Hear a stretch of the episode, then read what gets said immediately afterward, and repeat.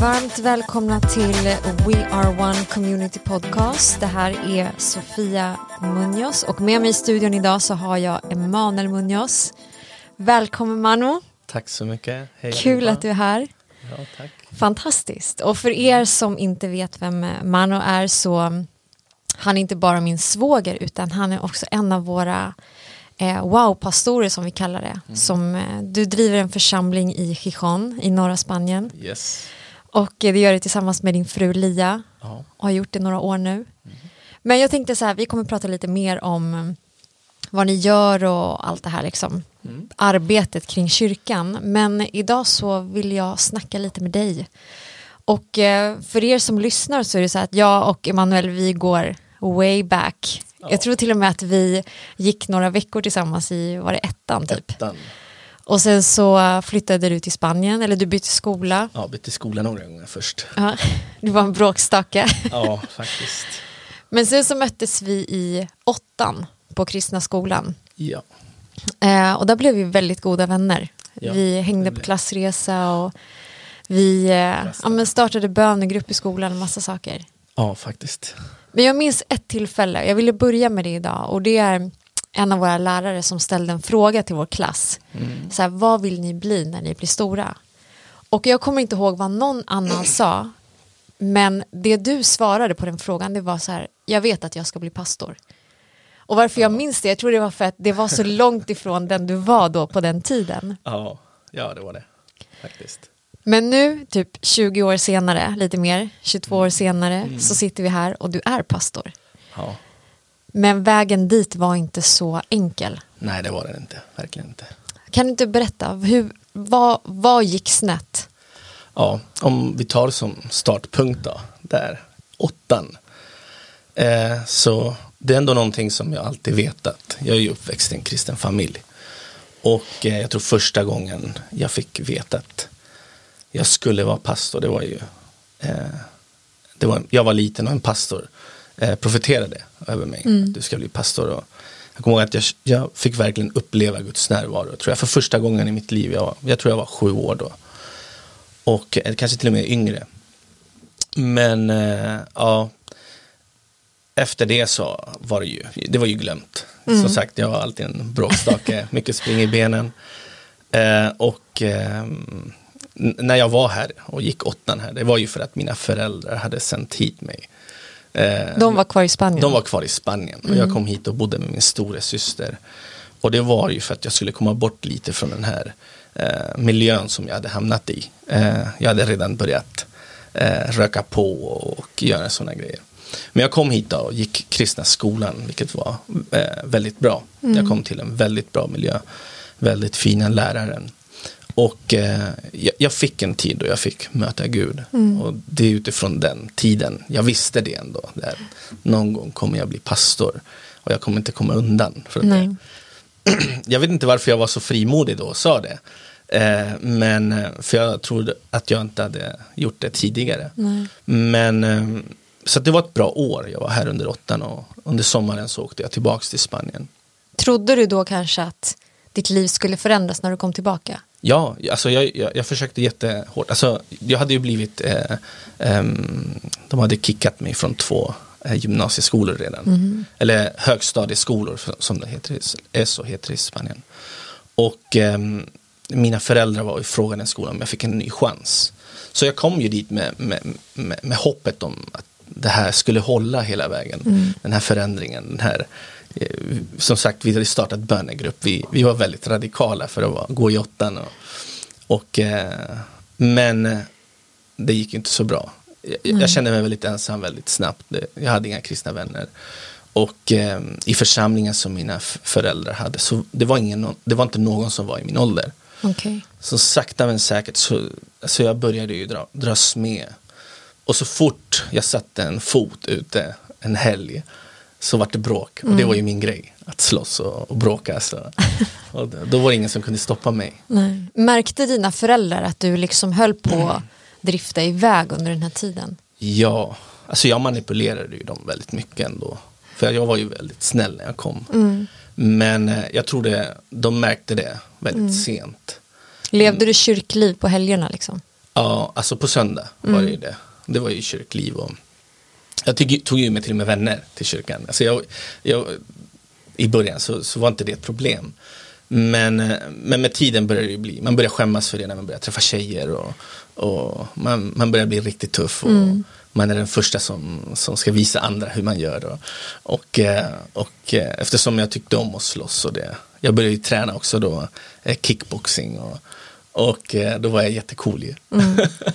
så då börjar man skämmas för det här, för det här och då börjar det bli problem hemma också när, när mina också skolresultat blir jättedåliga. Så jag får sluta eh, igen. Och, eh, och det är där det börjar. Eh, Vad hände då? då liksom? Skolan gav upp mm, och du, vad gjorde du på dagarna? Började du jobba då eller? alltså för, jag, man börjar ju inte göra någonting. Man börjar ju testa olika grejer. Mina föräldrar testade ju allt. Skickade mig på alla sorts kurser. Jag skulle till och med bli frisör.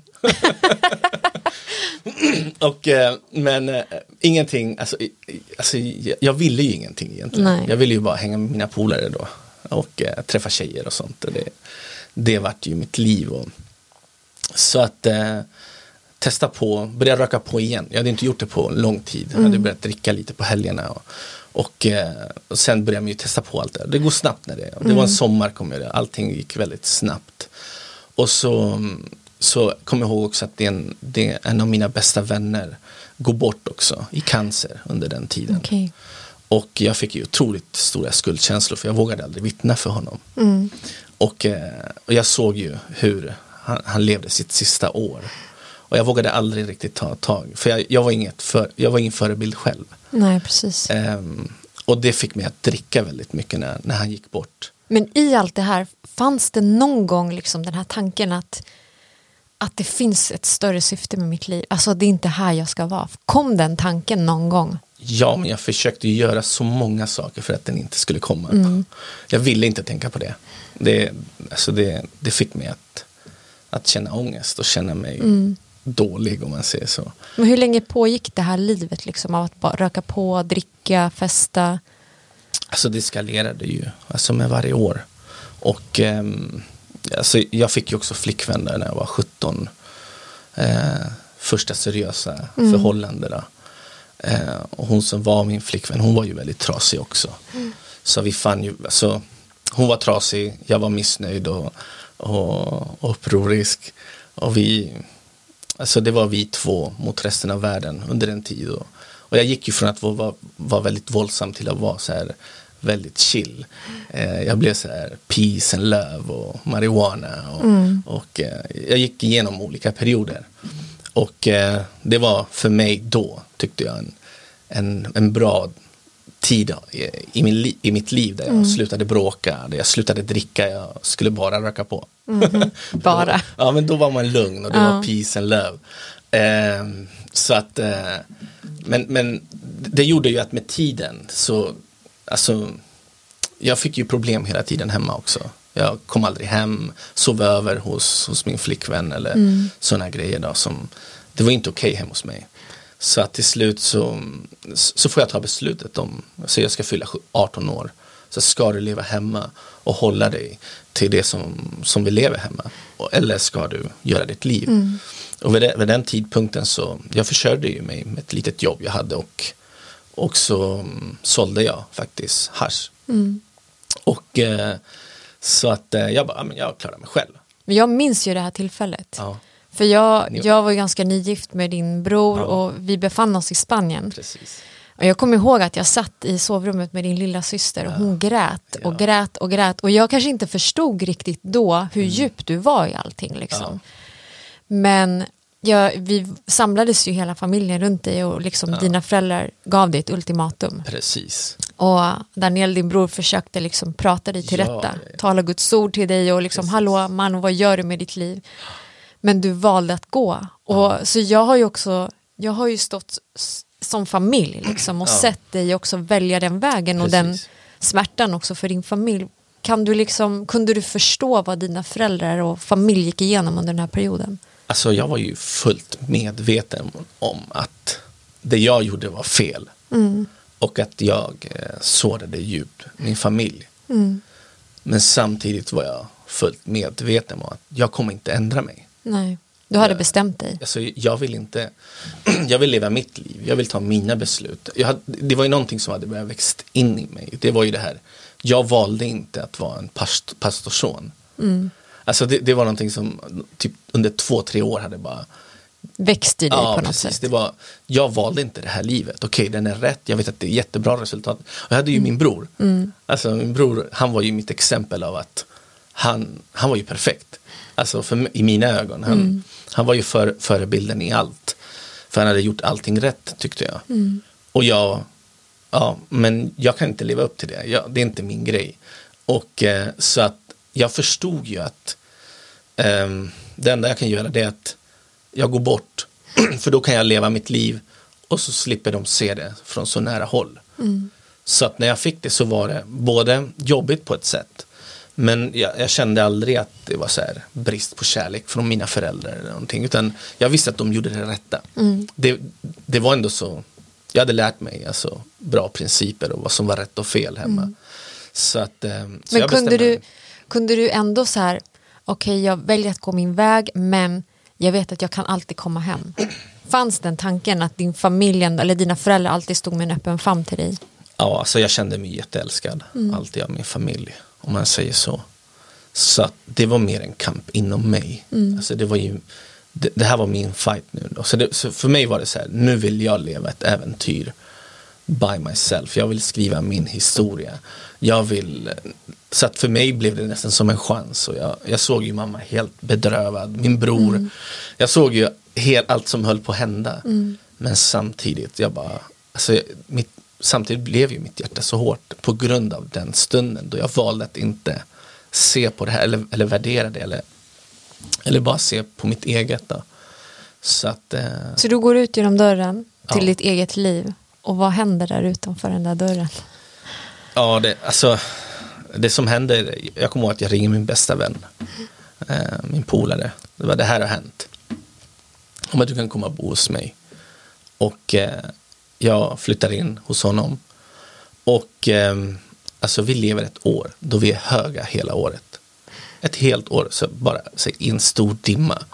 Av, eh, vi var så här, alltså, det första vi gjorde på morgonen det var, det var rulla en joint. Alltså. Och eh, på natten det sista vi gjorde det var rulla en joint. Mm. Och, eh, och vi, alltså, vi snackade på nätterna det, tillsammans. Vi sov i samma rum, jag och han. Så här, vi gör ingenting med våra liv. Ha ha ha ha. Men ni gjorde ändå ingenting vi åt gjorde det? ingenting. Det enda Nej. vi gjorde det var att se till att vi hade pengar för att köpa mat och, och, och röka på. Mm. Vad jobbade du med under den tiden? jag hittade ju jobb eh, på, en, på en liten nattklubb. Eh, och jag började plocka eh, tomma glas. Det var mitt första jobb. Mm. Och eh, den nattklubben under veckan där, man kunde gå dit, det var två våningar och övervåningen fick man röka på.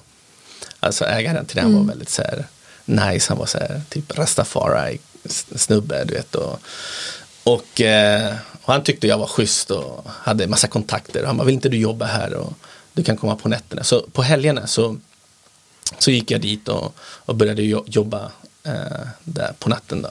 Så där började jag träffa på eh, en annan typ av människor än de jag hade träffat tidigare. Mina polare röka på mm. gatan. Och som hade... Det här var lite mer avancerat. Ja, precis. Och man börjar se andra droger som rör sig där också. Och eh, jag kommer i kontakt med kokain där. Mm. För mig var det alltid no-no. Det, det, det, det, är inte min grej. Men jag kommer ihåg att jag började dricka igen. Jag började dricka alkohol igen. Och, och jag kommer ihåg att när jag testade på det här att man kunde vara lite full och sen eh, snorta en, en, lite kokain och bli så här återställd typ och så här man känner sig jättebra. Så det var när jag, när, när jag upptäckte det, det var ju en, det var ett jättedjupt hål som jag höll på att falla i. Jag, mm. jag visste inte hur, hur djupt man kunde falla i det. Så att, men jag var ju väldigt duktig på det jag gjorde. Jag gick ju från att plocka glas till bli bartender. Um, jag fick börja uh, uh, vara DJ ibland och sen började jag få anordna fester. Uh, för att jag, jag sa, jag kan det här. Mm. Kan inte jag få testa? Frågade jag chefen och han bara, ja men absolut. Och um, så jag varit ju väldigt duktig på det. Att uh, göra fester och få dit folk. Och de började tjäna mycket pengar på de festerna som jag gjorde. Så att uh, ja, jag började bli pop, Men du- poppis där. Någonstans så fanns det ändå en otillfredsställelse i ditt liv. Alltså att du kände det här mörkret i ditt liv. Ja, alltså kanske inte, alltså just då, allting kändes så bra. Mm. Alltså, jag började bli populär också i, i min stad, i Gijon. Och jag började tjäna pengar på det jag gör. Och jag har tillgång till de drogerna jag tycker om. Och, och jag är så här, jag är yngst också. Mm. I, i den här, det här stället. Jag, jag kommer ihåg, jag var vid det skedet, jag, jag är fyllt 19, 20. Och alla runt omkring mig är 35-40, de har pengar, de har sina liv, de har företag. Det, Det blev dina nya förebilder liksom. Ja, precis. Och, ehm, och de tycker att jag är häftig, att jag gör mitt jättebra också. Och, eh, och som sagt, jag, jag, jag har inte svårt, tack vare att jag haft bra upp, uppfostran så kan jag hänga med, med äldre folk och, och ändå passa in där. Och, och, och eh, det, alltså, jag hamnar ju djupare och djupare i det här med, med, att, eh, med kokain framför allt. Och, ehm, och det går ju över från att jag går från att vara i den här nattklubben och till och med varit delägare av den. För att, eh, och, ehm, men det, det höll typ i ett år och sen ville jag göra andra saker. Och Flytta till Kanarieöarna några månader. Eh, jag tyckte ju om att alltid göra olika Nya projekt och saker. grejer. Och sen när jag kommer tillbaks till, till, till min stad så, så vill de ha mig i en stor klubb. Där en, en nattklubb som de spelar mycket elektronisk musik och, och jag tycker att eh, jag, hade, jag var inte insatt i elektronisk musik eller något sånt utan jag tyckte det bara var konstigt. Jag, alltid musik men aldrig elektronisk musik. Däremellan hade jag också rest som ljudtekniker med så här stort rockband i Spanien. Jag hade gjort massa grejer under den tiden och sen kommer jag till det här och så går jag på en festival. Sen, och jag har aldrig testat mer än ja, kokain och jag kommer att på den där festivalen, så här 24 timmars festival eh, var s- musik hela tiden och, och jag går dit med en, med en ljudtekniker som bjuder mig dit och, och, eh, och jag träffar massa folk där som känner mig från, de bara vad gör du här? Och, och eh, jag kommer att jag började testa på andra grejer där. Ehm, eh, ecstasy och sådana här grejer. Den där, den där. Och det öppnade ju upp en hel värld för mig. Så man börjar uppleva saker som man, jag kanske bara upplevde när jag var liten i kyrkan med Gud. Sådana här saker som är Övernaturliga man, alltså grejer. det, man, och, och med den här musiken att man alltså, man går ju där runt och tycker att man flyger genom musiken. Då. Att uppleva det på det sättet väckte ju upp någonting i mig som är nyfiken. Alltså, vem säger nej till det? Eh, så att, ehm, och så säger de, vi vill att du jobbar här. Så samtidigt som jag upptäcker det så vill de ha mig. De vill, vi vill att du tar in, alltså, det är inte så många i Spanien som pratar bra engelska. Och jag hade ju bra engelska. De bara, kan inte du kontakta så här, managers från så här, tyska DJs och från Holland, från USA. Jag bara, okej, vi gör det. Och, ehm, och jag vart ju jätteduktig på det. Och ehm, så vi började ta in jättehäftiga DJs där till vår lilla stad och till den här klubben. Och det började komma från andra städer så jag började bli eh, populär genom det också. Så det kom ju en punkt där, då jag, så jag kunde gå in i vilken bar, nattklubb som helst i min stad. Och jag behövde inte betala någonting, alla kände dig, alla visste vem du var. Alla ville jobba i den här nattklubben. Och, eh, så att alla så här, och, och jag är jätteung, jag, jag är typ 23 år och går runt och gör det här. Och, eh, och då kom jag i kontakt också med en, med en stor eh, familj, om man säger så. Man kallar det där familj. Som, eh, som tar in stora mängder droger, kokain, in, i- in i, i vår dels, eh, delstat där i Spanien, norra Spanien. Och, ehm, och de bara introducerar mig för det här. Jag får ju en chock för jag har aldrig sett det här. Jag har aldrig sett, jag har bara sett små mängder. Jag har alltid hållit på. De vet ju det också att det, jag inte heller, det är inte någonting helt nytt men jag hade aldrig sett något sånt här. Och de säger så här, det här, välkommen in typ. Till Du- familjen. Ja, du är en av oss. Och jag kommer ihåg att, alltså jag får så mycket chanser. Jag, jag kommer ihåg att en av de grejerna som jag tror det bara kan hända i filmer, det är så här, här finns ett kassaskåp. Du kan ta pengar härifrån, skriv bara hur mycket du har tagit. Och, Det är helt sjukt. ju. Ja, och så, men vad ska jag göra? Jag visste inte ens vad jag skulle göra. De bara, ah, du kommer få veta det. Så sakta men säkert så blir man en, alltså man blir en till där bara som vet vad som händer. Mm. En i spelet liksom. Ja, precis. Du ska veta vad som händer. Du ska känna rätt folk. Du, du ska, och, och, och det eskalerar ju till slut att, att eh, man har droger i sina händer, stora mm. mängder. Och, för att man kan tjäna snabbt stora mängder av pengar. Mm. Och till slut så, det är där, jag tror att när jag inser det, det är då jag börjar vakna upp och känna. Vad håller jag på med? Alltså, liksom? det här är mörkt det jag håller mm. på med. Alltså jag, jag börjar ju se att vänner till mig hamnar i djupa problem på grund av droger. Um, jag börjar hamna i där jag börjar vara otrogen mot min flickvän som mm. jag hade haft hela livet. Och det, alltså det går inte att få stopp på det här. Um, man, alltså de säger, vi åker till Madrid, man är borta fyra dagar och bara bränner pengar. Uh, man testar på grejer, man åker för första gången Formel 1. Och man får inte bara vara där utan man får vara bakom där, mm. där, där, där alla så, de viktiga personerna är. Och du får vara där för att du känner rätt personer för du har en stor påse med droger i din ficka mm. och i din andra ficka har du massa pengar. Och du är ung. Och man, man, man är ju ny, nyfiken och man mm. vill ju knacka på varenda dörr och man vill se allting. Mm. Oh, hur gör man det? Och alla som är äldre vill säga kom jag ska visa dig. Mm. Jag ska visa dig hur man gör det här. Man ska, så att alla ville ju visa runt mig allt möjligt. Men var, var kommer den här punkten så här, jag måste härifrån? Ja, det, det kommer ju när jag börjar se att för mig, jag har ju alltid haft en stor, eh, lagt stor vikt på vänskap. En vän är en vän för alltid. Jag lärde mm. mig det också ute på gatan. Och, men jag ser att i den här världen så är det inte så. Nej. Alltså, du är Man är vän. inte riktiga vänner. Du är vän så länge du har något att ge. Mm. Och jag, fick, jag märkte att jag fick ju se till att jag alltid tillfredsställde alla som var över mig. Mm. För att då var jag viktig. Och då var jag skyddad. Och då var det ingen som kunde röra vid mig. Men jag ser hur vänner som, var, som introducerar mig för det här helt plötsligt är oviktiga. Mm. Och jag är viktig. Och hur så de börjar hamna riktigt illa. Stora skulder. Eh, alltså, de sätter upp dem så att de får hamna i fängelse.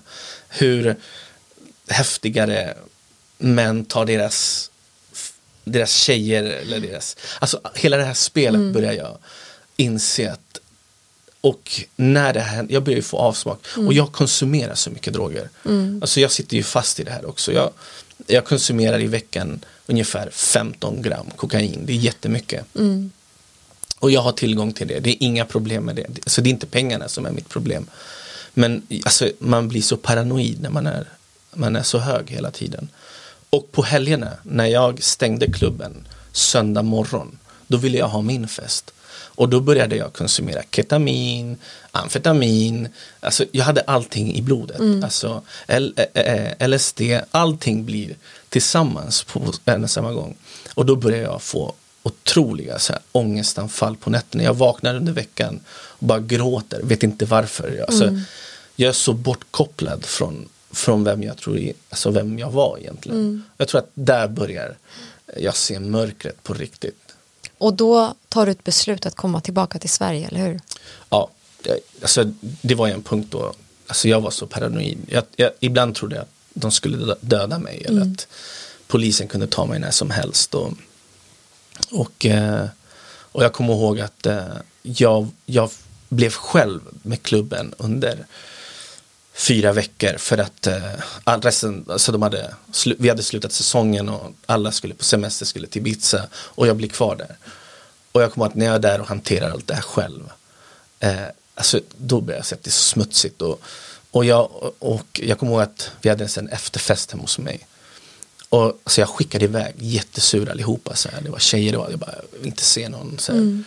Jag var så, jag var så körd. Och jag brukade hälsa på mina föräldrar typ varann, en gång varannan månad typ och käka en lunch med dem. och så den veckan så bestämmer jag att jag ska träffa mina föräldrar. Så att jag går och träffar mina föräldrar och, och jag, jag kommer att jag var på väg dit så jag bara, jag säger jag måste, jag måste lämna det här så jag. Mm. Och jag, vem, hur ska jag göra? Men jag får gå till mamma och pappa tänkte jag, de, mm. de får hjälpa mig.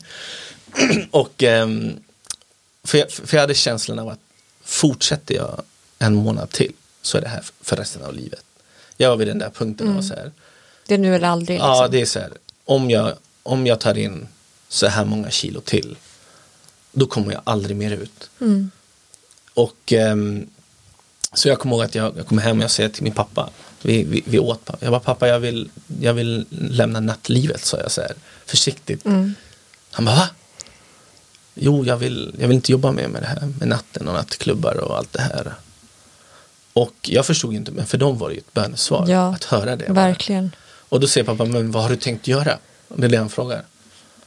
Och jag visste att jag hade ingen chans där. Alltså skulle jag försöka göra det här så hade jag ingen chans att göra det där. Så jag sa, ja men kanske åka till Sverige. Så mm. Kanske plugga någonting där. Så jag. Och då säger min pappa, okej, okay, vi ska be för det. Och jag bara, ah, ja, ja. Alltså, jag vill inte höra någonting av kyrka eller, eller Jesus eller Gud. Det, det var no-no för mig. Men jag går därifrån. Så vet jag att pappa ringer alla mina syskon och bara, nu ska ni be. För att Emanuel sagt att han kanske vill åka till Sverige. Och, och, det hade varit min pappas bön. Han visste att bara om jag kom ut därifrån. Mm. Men jag hade ju lovat honom att när jag var yngre. Jag var så besviken. Så jag sa jag ska aldrig till Sverige. Och det, han hade alltid haft den här, jag ska aldrig till Sverige. Men han visste att det kanske var den enda lösningen för Exakt. mig. Eh, och eh, så att han ringer mig två dagar efter det. Han bara, hej Manu. Jag bara, hej du vet du vad, vi har ett jobberbjudande till dig i Sverige. Och jag bara, aha, vad coolt så här. Och eh, det var typ september. Och han sa så här, men du måste åka om tre veckor då.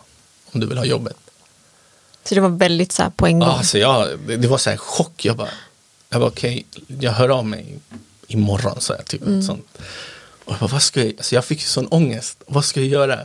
Alltså jag, och det är ju inte bara att ta sig ut heller från den världen. Nej, Eller alltså, säga nu drar jag liksom. Du det, vet för mycket. Alltså vid det tillfället så, så hanterade jag varje månad, månad alltså, stora mängder av droger och pengaflöde åt den här familjen. Mm. Så jag visste vart alla gömställen var. Jag visste var, vilka det var, vilka rutter som, det, som de tog, vilka poliser som var, som skulle, alltså det var så mycket som jag visste. Mm. Eh, så jag bara, så den verkligheten slår mig. Mm. Och jag säger ja, vad ska jag göra? Så jag, jag, jag kommer ihåg att jag ringde han som var min boss. Han, han, han var väldigt fin med mig alltid och han, han tyckte om mig väldigt mycket. Och jag ringer honom och säger, kan vi träffas? Jag behöver prata med dig, självklart. Så vi träffas. Och då sa jag till honom, du jag vill sluta. Så jag. Han så här, tittade på mig och han trodde att han bara, har någon hotat dig? Frågade han, har det hänt någonting? Har du? Han, han bara, är du skyldig mig något? Han, han frågade jättemycket. Mm. Jag bara, ingenting. Men varför, sa han då.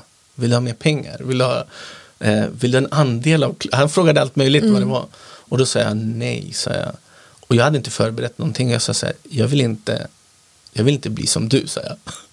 Och vad svarade han på det? Och jag märkte det jag sa, för jag hade inte förberett. Eller så sa jag, eller som den här, eller den här. Och då tog jag jättedåliga så här, eh, referenser då. Men han började gråta. Mm. Han, alltså han, det bara började rinna tårar. Så här. Och, och han sa så här, Manu, om det är någon som får lämna så är det du. Jag vet att du skulle aldrig eh, göra det här om inte det var för goda skäl, sa han. Mm. Så han kramade om mig och han pussade mig så här på kinden och sa så här, du, han bara, jag kommer gå och lämna dig i flygplatsen och alla ska veta att du går. Att, du, att, han lämnar av dig ja, där liksom. Jag kommer att prata med familjen och allting, sa han. Så jag kommer ihåg att jag sa okej, okay, jag, vill jag vill verkligen lämna det här bakom mig. Så jag kommer ihåg att alla pengar jag hade, jag hade på mig allting, jag lämnade tillbaks allting. Mm. Det var ingen, nu, nu tror jag att det var Gud som ledde mig att göra det. Mm. För jag tänkte inte ens, jag bara tog, samlade upp allt som jag hade, lämnade på, på sina ställen. Mm. Och, ehm, och jag fick ja, typ lära upp två personer som skulle göra det jag gjorde. Jag gjorde, det jag gjorde. Så jag lämnade allting tillbaks. Mm. Och jag kommer ihåg att när, eh, så jag köper ju biljetten för att, för att resa. Och, eh, och jag kommer till flygplatsen med honom. Och han säger, har du pengar och allting? Och jag, det är då det bara, nej jag har inga pengar, så jag. Mm. Han sa, vadå? Har du tagit dina pengar? Jag, då sa jag, nej. Har, har du någonting på dig? Jag sa, nej jag har ingenting. jag insåg då att jag hade inte ens tänkt på Nej. pengar. Alltså jag, det, jag gick så bara Du ville bara därifrån. Ja, jag, gick in, jag tror jag var i chock alltså, hela den här perioden. Det var en väldigt eh, konstig tid också för mig. Men han, jag kommer ihåg att han så här, oj jag har inte heller. Han tog fram en, tj- en 20 euro-lapp, han bara, här. och han var så här i chock, jag var i chock. Och jag satte mig på planet med en stor ryggsäck Mm. till Sverige. Och tänkte jag kommer aldrig mer tillbaka hit. Ja, precis. Det, så var det. Men om vi spolar framåt då. Du kommer till Sverige, du börjar jobba här, du får en lägenhet. Men så händer en specifik händelse. Du får en, ett möte med Gud kan man säga. På djupet. Ja. Ja. En omskakande upplevelse. Berätta, vad var det som hände? Ja. Jag hade ju min flickvän här som jag hade haft sedan jag var 17 år. Vi hade haft en jätte alltså, toxic relation. Så det var, vi, vi hade sårat oss så mycket. Så hon, vi ska ge oss en chans. Så hon kommer till Sverige. Men det håller ju bara någon månad. Så hon, hon lämnar mig. Och eh, jag blir ju helt själv. Och jag hade ändå kämpat för att få en lägenhet här. Hade världens tråkigaste jobb tyckte jag. Så jag satt i en monteringskedja typ och gjorde samma sak varje dag. Eh, jag, hade ju, jag hade ju slutat med alla droger. Jag drack på helgerna, smygdrack, hade en whiskyflaska. Och för, att, för att somna typ så behövde jag det. Och eh, jag rökte ju tobak också då. Det, det var mina två. Men jag tyckte i mitt liv ändå att vi kanske skulle, det skulle funka. Men det funkade inte. Hon lämnade mig, jag blev själv. Och eh, det är då jag inser hur deprimerad jag är egentligen. Det, det är då jag vaknar upp. Och, och jag börjar falla i ett djupt mörker. Jag börjar sjukskriva mig, inte gå till jobbet. Och, och ja, jag tror att många vet vad jag pratar om. När man, man, man orkar inte med sig längre. Man, man slutar fixa sig. Man slutar, Du gav upp hoppet. Ja, man har långt skägg, eh, håret. Man fixar inget. Alltså, livet blir bara... Jag kommer ihåg att jag började hata mig själv. Jag insåg att jag hatade mig själv. Jag kommer ihåg att jag, jag slog med nävarna mot väggarna, så här, slog huvudet. För jag, jag, hittade inga lösningar.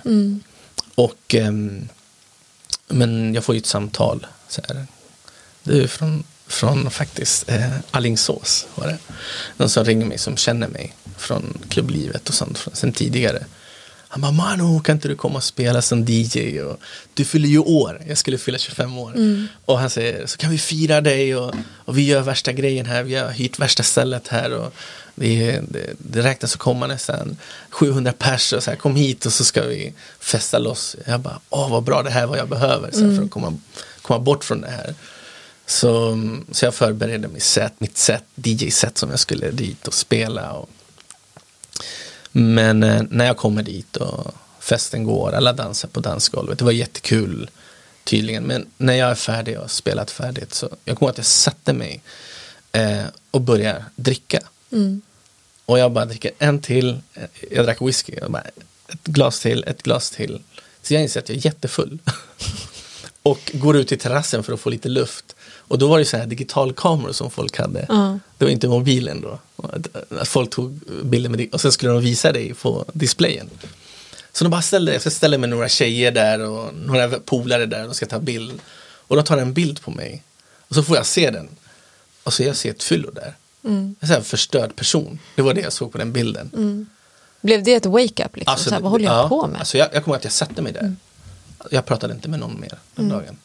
Och jag började, och jag började tänka så här, vad har jag gjort med mitt liv? Alltså det var ingenting. Mm. och det här var din födelsedag ja, också? alltså, ja, och det, ingenting i den festen. Jag hade typ så här, två tjejer som, alltså jag bara, alltså, jobbiga tjejer. Alltså jag vill inte, jag vill inte ha någonting med någon, någon att göra. Så bara kommer den här killen som har, som, eh, som har promotat den här festen. Så bara, nu är det afterparty hemma hos mig. Så jag, kom, så jag kommer dit och, och så kommer han så här, med en joint och säger, här, det här jag för, jag vet att du tycker om att röka på. Så här. Och jag bara säger, åh skönt, äntligen. Får jag röka på, glömma allting, bara chilla lite här. Men de får göra vad, men jag behöver det här. Så jag tar den där jointen, alltså. Det, det var det värsta jag gjort i mitt liv. Alltså jag fick sån noja. Alltså, jag hade gjort allting i livet. Jag hade aldrig haft problem med så här, ha dåliga trippar typ kanske någon gång. Men det var det värsta. Så här, jag fick sån ångest. Jag bara så här. ah, jag börjar må så dåligt. Så, här. så till slut så alla somnar, han kommer så här, filt hemma, du kan sova på soffan. Och så är det ingen som kan köra mig någonstans. Jag, jag var ju, jag skulle sova hos någon annan egentligen, men så är jag där. Och folk som jag, som jag inte känner och fulla med, som har somnat här och där. Och eh, jag lägger mig där på soffan och börjar få sån panikångest där. Bara tänker vad jag gjort med mitt liv. Det, jag kunde inte tänka något annat. Se Den där bilden som jag såg. Och, eh, och, och det här att jag hatade mig själv bara bli starkare och starkare. Tills Vad jag- gör du då? Nej, men det som händer det, det, det, kommer en punkt där jag säger jag vill inte leva mer. Mm. Och jag börjar tänka så här, hur kan jag få slut på mitt liv?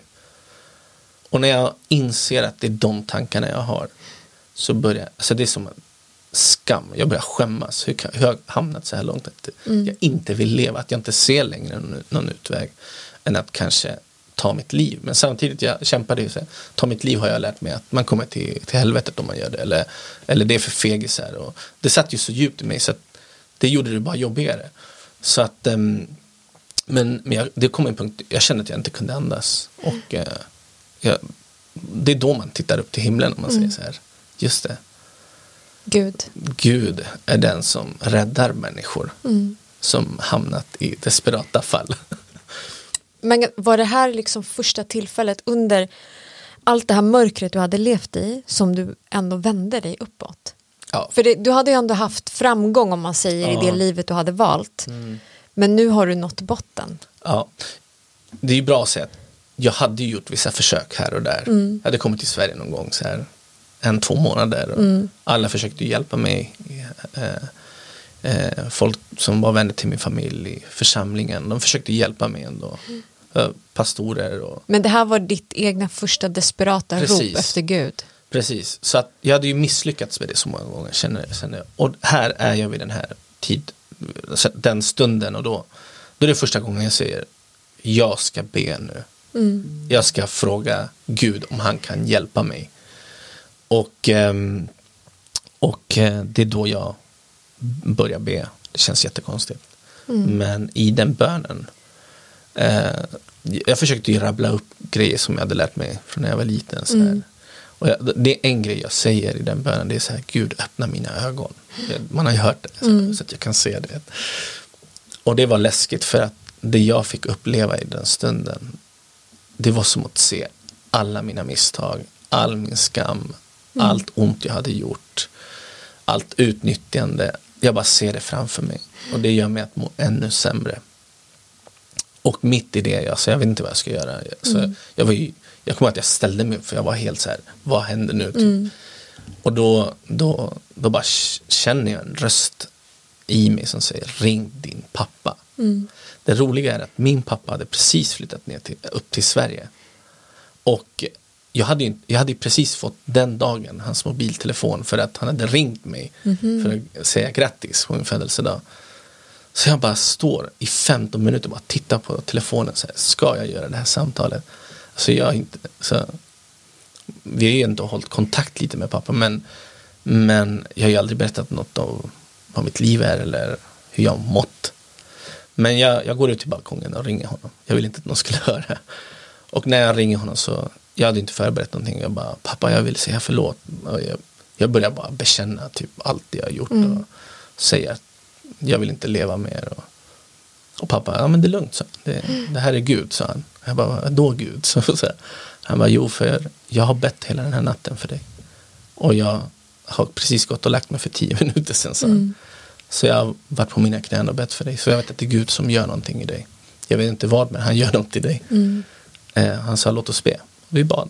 Och eh, ångesten gick inte bort. Eller någonting. Men jag gick och la mig. Jag kommer ihåg att jag lyfte upp mina händer.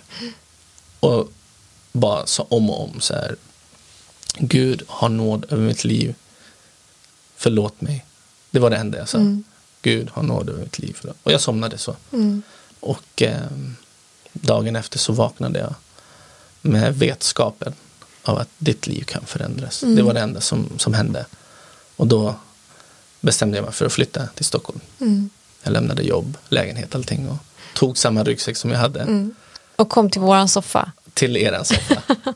Helt sönderslagen men, med hopp om Men där kanske Gud- började liksom din resa med Gud. Ja, Och sen faktiskt. den dagen har inte du vänt tillbaka. Nej, aldrig. Där började liksom processen i ditt Mm. liv. Och, men det var som att liksom, du behövde själv vända dig till Gud. Alltså du behövde själv säga Gud, Precis. precis. som du sa, ha nåd över mitt liv, Mm. förlåt mig. Mm. Liksom att omvända dig i ditt hjärta och förstå att Mm. jag har levt, liksom, gått min egen väg och levt på mitt eget sätt Precis. utan Gud. Precis. Sen var det ju en process att komma hit. Och, Mm. alltså jag kommer ihåg att det första var ju att sluta röka. Så det gjorde jag vid tågstationen när jag kom hit. Mm. Och slängde jag så här, jag hade hört att folk hade gjort det i Jesu namn. Så jag, så här, jag sa i Jesu namn och slängde mitt cigarettpaket. Och eh, har inte rökt sedan dess. Nej. Eh, så det funkade. Ja. Och eh, jag tror de har, men jag, jag insåg att jag behövde ta beslut. Ja. Det, det är någonting som jag, som jag lärde mig av allt det här. Och, och i, I första tiden var det svårt att gå till kyrkan. För att jag trodde att alla dömde mig. Alla visste att jag var eh, son till pastor Ricardo. Mm. Och att han hade varit ja, lite flummig och ute. Men jag, jag kommer ihåg dagen jag sa så här, vad håller du på med Manuel? Du är dum i huvudet. Så jag sa det till mig själv. Mm. Du vill ge Gud en chans men du står här och spelar, spelar hård i kyrkan. Mm. Och då började jag sjunga, det var typ tredje söndagen när jag gick på, till kyrkan eller typ andra. Och jag började sjunga med lovsångerna. Alltså det, det var ju så pinsamt för jag gick ju varje söndag och bara grät igenom hela lovsången och hela predikningen. Så, så var det typ under en hel två månader nästan. Det var. Men det var ju Gud som höll på att läka mycket av den här, den här hårda fasaden som hade funnits. Och om man spolar fram allting, jag menar du, du blev upprättad av Gud, du hade din process här, det fick ta den tid det tog och sen så mötte du din fru Lia som också blev en del av din upprättelse. Mm. Ja, att precis. liksom få börja ett nytt liv med henne, att få en familj och liksom börja bygga så som du hade sett dina föräldrar bygga Ja. sin familj. precis. Och vi hinner inte gå in på alla detaljer men jag tänker ändå så här att det var verkligen en del av din resa. Mm. Ja. Eh, och vi har ju följt det och vi har sett liksom alla, alla beslut som du har tagit, som ni har tagit har ju också gjort att ni är där ni är idag. Och vi pratade i morse om att tidigare idag liksom om att vi har, alltså vi måste förstå att Gud har en kallelse på våra liv. Alltså förstå att det finns en plan med våra liv Precis. och gå den vägen 100% och det innebär inte att det är en enkel väg. Det kan vara en, en väg av formande men om vi tar det här formandet så kommer en diamant ut på andra sidan. Liksom. Ja. Men åren gick, du gifte dig med Lia, ni fick ert första barn. Men sen så började Gud tala till dig igen. För fortfarande så hade du sagt det där i skolan, jag ska bli pastor. Ja, faktiskt. Och det, det kanske inte var det första du tänkte på när du kastade ditt cigarettpaket och Nej, liksom började inte. din väg här i Stockholm. Nej. Men någon började komma och knacka på ditt hjärtas dörr. Ja. Så kan du bara kort berätta, vad, vad, vad var det du fick uppleva i den stunden? Alltså jag, för mig hade ju Spanien dött som, om någon frågade så här, ska du tillbaka till Spanien någon gång? Och då, hade, jag hade ju min fras. Mm. Och det var, nej Spanien är begravt med, med gamla. Gamla livet, Ja, liksom. med gamla manos här. Det, det, jag är Sverige, jag älskar Sverige nu, jag har lärt mig älska Sverige. Jag har gift mig med, med en svensk fru och har en svensk dotter. Ja. Alltså, och, ehm, men, men Gud talade till mig väldigt starkt eh, vid ett tillfälle. Och eh, jag hade läst i Bibeln om, om Petrus. Jag känner mycket för Petrus. och ehm, när han förnekar Jesus och när han blir upprättad sen när Jesus frågar honom tre gånger också. För han hade förnekat honom tre gånger. Så frågar han, älskar du mig? Och ehm, jag hade lagt märke till någonting att det, det fanns en eld på båda ställena. Mm. När han förnekade Jesus Ja, och när han precis. blev upprättad. Det står det fanns en eld. Han ställde vid elden och sen fanns, hade Jesus gjort en eld. Och ehm, eh, så Herren i min bön ställer mig den frågan. Vad var det som fanns på båda ställena? Jag hade, kunde svaret i min bön så jag bara, så här, det, en eld. Och då säger den helige ande till mig väldigt tydligt. Spanien är din eld. Och eh, den upplevelsen, det är en sån här väldigt halleluja moment som man bara man förstår själv. Att Det, det, är ens, det, det är i ens intimitet och det är i ens djupaste frågor man har. Eh, så, så var det att säga det här att mitt liv kommer aldrig komma till sin fullbordan och vad det är.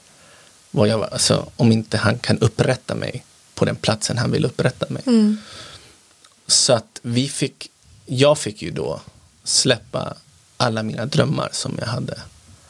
Och, ehm, och bara ta det här beslutet att okej, okay, jag måste hitta styrkan, viljan, glädjen i att åka tillbaks till Mm. den platsen som jag inte vill vara.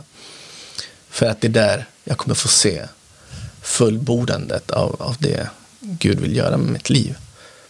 Så att det var som att börja gräva tillbaks till en väg. Eller till en, till, ja, till en väg som var redan markerad sedan innan jag var född. Mm. Och det var ett syfte som Gud hade för mitt liv. Och att en dag skulle jag vara pastor, jag skulle vara missionär i Spanien och jag skulle eh, ha, ha en församling där. Men jag hade ju inte sett det Nej. genom hela den här vandringen. Och helt plötsligt så får man bara ta det här beslutet och ta det till sin fru och till alla som är runt omkring. Alla Ja. blir chockade. Ingen förväntar sig, hur ska ni göra det? Jag vet inte, jag hade ju inte alla svar. Och ehm, Du bara Just visste att det var rätt. jag visste att det var det Gud alltså, sa till mig i, i det fördolda. Och, och det fanns inget starkare än det då i mitt liv. Och hur många år sedan är det ni flyttade nu? Sju år sedan. Sju år sedan. Du tog med dig din svenska fru och Gravid- din svenska Dotter, dotter. och hon var gravid. Hon var gravid och Ja. nu väntar ni ert fjärde barn Precis. till och med. Ja. Och eh, ni har verkligen tagit Spanien till era hjärtan på riktigt. Och även Lia har pratat flytande spanska nu, precis. dina barn gör det. Alltså det är ert liv. Eh, och eh, nu är ni en del av en annan familj. Ja. Och det är ju We Are One, We are one. family. yes. Och vi är så glada för det också att liksom vi får se, alltså se att Gud gör saker i Europa. Vi har Sverige i våra hjärtan självklart och det vet jag att ni har också men Ja. också att vi får sträcka oss utanför Sveriges gränser. Och bara avslutningsvis, vad drömmer du om för Spanien? Vad ser du framför dig? Jag drömmer, som jag sa, när Gud säger någonting, då blir det allt. Eller du kan välja att göra det till allt. Och jag har valt att göra det. Och eh, när Gud bekräftar det, man ska ju alltid söka bekräftelse om du känner att Gud. Och eh, jag gjorde en resa till, till Colombia och jag bad Gud, jag vill att någon som inte känner mig, som inte vet någonting, ska bekräfta det här att jag ska åka till Spanien. Och då var det en pastor från Brasil som jag träffade på ett hotell som inte känner mig. Han tappade allting han hade. Han tittade på mig, pekade på fingret och sa du är Emanuel från Spanien. Och du ska till, åka tillbaks dit. Wow. Och då ger han mig ett profetiskt tilltal och det är att du kommer att få se en generation ungdomar komma till Jesu fötter och bara lämna sina liv. wow. Ja. Och Så det är det du drömmer ja. om? En generation som får möta Jesus. Wow, Mano, du är, jag blir rörd nu här känner jag. Men du är ett sånt exempel på Guds godhet. Verkligen. Och att man aldrig ska underskatta en mammas böner, en Nej, pappas verkligen böner. inte. Eh, men också kraften i omvändelse. Ja. Kraften i att säga Jesus ha nåd över mitt liv, Precis. förlåt mig. Precis. Det är kraftfulla ord och det gör skillnad i våra Ja. liv. Så vad skulle du vilja säga till någon som kanske befinner sig i en omöjlig situation som man inte kan ta sig ur? Jag skulle säga en sak av det att för det första att Jesus älskar dig med hela sitt liv, med hela sitt hjärta. Det är det första du ska veta om du lyssnar på mig. Och det andra är att eh, eh, gå på en buss som vet vart den är på väg. Hitta en församling. Hitta en community som kan hjälpa dig och ta dig, ta dig vidare eh, genom den här vandringen. Tron är inte någonting man lever själv och man tar sig igenom själv utan man behöver hjälp. Jag behövde mycket hjälp genom vägen. Folk som var runt omkring mig som bad för mig, som lärde mig att be, lärde mig att läsa Bibeln, lärde mig att bygga mitt liv på fasta principer och, och eh, hur jag fick lära mig eh, hur jag ska behandla min fru, hur jag ska uppfostra mina barn.